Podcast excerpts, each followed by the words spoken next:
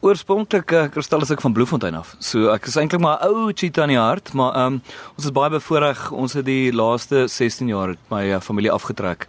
Uh, Maanpaad gaan aftree. En uh, so ek bevind my nou self daar in die mooi uh, ja, Suid-Boland streekie daar so in Hermanus en um, dis my lekker. Dis is 'n lekker plek. Dis dis weg uit alles uit.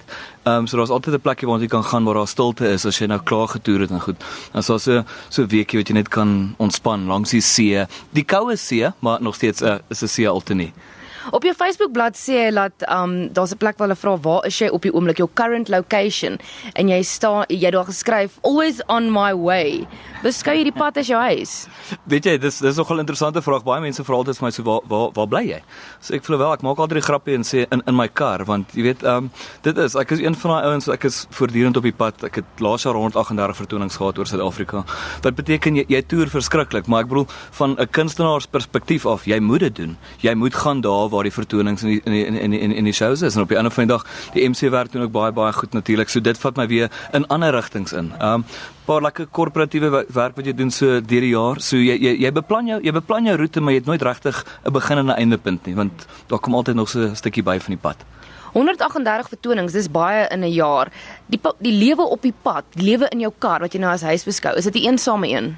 Weet jy, nee, gelukkig nie want um, op elke dorp en elke plek is daar altyd mense wat jy weet, dis dis vriende van of is kennisse en is regtig mense wat inviting is en dan gee dit weer vir my geleentheid want omdat hulle klaar kontak gemaak het of deur Emma of deur trane is daar 'n storie wat saam met die familie en die persoon kom. So dit dis eintlik is eintlik 'n roeping. Dis nie regtig 'n beroep nie.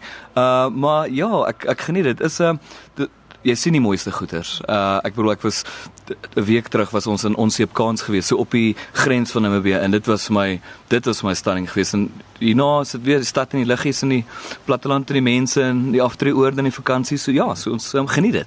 Jy praat van ons, wie reis saam met jou? Wel jy weet op die ander vandag ehm um, dit sal nogal baie moeilik wees as jy hierdie uh, bedryf en hierdie paai op jou eie invat. So ek het eh, 'n uh, baie baie nice assistent wat uh, saam met my toer en uh, sy sy hou my wakker in die op die lang paai en sy vat oor en sy bestuur ook natuurlik meeste van die toerprogram want omdat jy jy kan nie regtig van 'n soliede kantoorbasis af werk nie. So as iemand nou 'n CD wou gekoop het en dit kom deur van die e-mail af, dan moet jy stop hierso by die naaste Postnet of 'n um, poskantoor hang wat teen in die straik nie. En dit, wat, jy, jy lag daaroor. Dit nee, dit dit, dit, dit affekteer mense hoor. Dit affekteer mense. Ehm um, so ek probeer nou weer posters moet uitgaan na uh, Ficksburg toe vir die Kersfees in November. So ehm um, ek probeer nou kyk waar hoe gaan ek dit daar uitkry. So dis dis lekker om om om heeltyd op die pad te wees. Dis 'n anderste lewe. Dis dis nie vir almal nie. Maar weet jy wat? Ek dink as jy jouself heeltemal totaal en al in die bedryf sien en en jy leef en eet en slaap, dit en dan dan maak dit nie saak nie. Waar is jou gunsteling plek om te gaan optree in die land? Nou vra jy vir my wag. ek gaan moet ek gaan moet sê die Kaap. Ek weet jy ek gaan ek gaan dood eerlik wees. Ek is bitter minder in die Kaap as wat ek moet wees, maar dood eenvoudig net is omdat Suid-Afrika is regtig so groot. Ek bedoel van Potgietersrus af deur na Barkley Oos toe, dis dis plekke waar jy moet skiet. So ek skep die Kaap af, maar die lekker ding is die die Kaapse gehoor is die gehoor wat nog altyd gedra het. Hulle het hulle het my eerste leer ken en van daar af het hulle my regtig ondersteun en vorentoe gestoot na waar ons nog gaan. Hoe handhaaf jy 'n gebalanseerde lewe met die lewe wat jy die hele tyd so op die pad is? Want jy sê dit is nie vir almal nie. En dan werk jy vir 'n maand aan een en dan is jy bietjie rustiger vir nog 'n maand. Hoe hoe balanseer jy dit?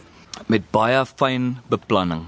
Weet jy, ja, dit is dit voel partykeer vir flout, maar ek wil op die ander vandag, jy weet, jy jy jy het 'n geset voorgesette areas, jy weet, okay, ons gaan daar en daar en daar wees. So ek moet beplan rondom dit en jy kyk maar nou en dan probeer jy loer so na hoe jy eet op die pad want dit is baie belangrik want jy weet 4 uur die oggend is daai koffie net te lekker en daai broodjie net te lekker om net voor te sien maar geen wakker hou tot 8 uur toe wanneer jy eers daar is.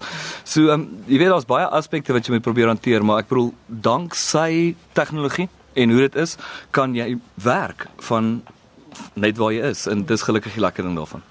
Jy is 'n onafhanklike kunstenaar jy toer baie, jy het nou gepraat van die series wat jy moet pols op watse dorp jy ook in kom. Is dit 'n is dit 'n uitdaging om al hierdie goeders te doen sonder die hulp van 'n platemaatskappy? En sal jy dalk moontlik in die toekoms wil aansluit by 'n platemaatskappy? Kristal, jy weet, dis dis 'n vraag wat ek vir myself al baie baie lank al gevra het. Ehm um, daar's groot voordele aan aan platemaatskappy want dan dan sal ouens hulle ken, hulle ken elke knoppie wat gedruk moet word. Dit is een knoppie en daar's verspreiding na radiostasies en mense en gevalle toe.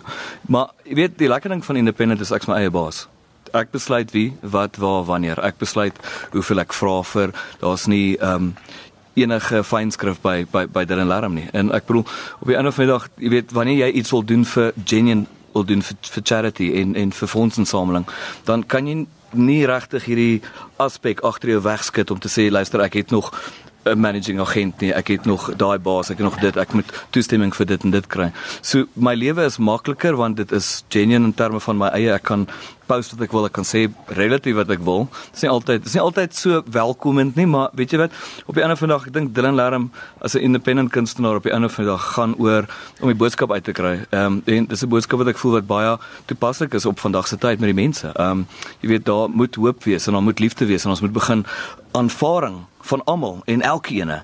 En as ons dit kan begin inkorporeer met 'n klein bietjie vergifnis van ons kant af. Ehm um, dan dan dan leef ons in 'n land wat soveel moontlikhede het. Maar die probleem is die mense moet kom by daai punt waar jy self dit besluit. En ek hoop partykeer ek kry dit reg. Jy weet uh, jy jy doen nie shows nie, jy doen nie MC werk en dis dis grappies hierso Desember vakansie saam met ATK vir Hartenbos en die kinders op die strand wat heeltemal anders is en dan doen jy dit en dan sit maar jy hoop altyd daar's een wat die boodskap kry en dan van daar af af vat jy dit verder. Dan, dan groei ons dan groei ons nog 'n trappie hoër na waar ons moet wees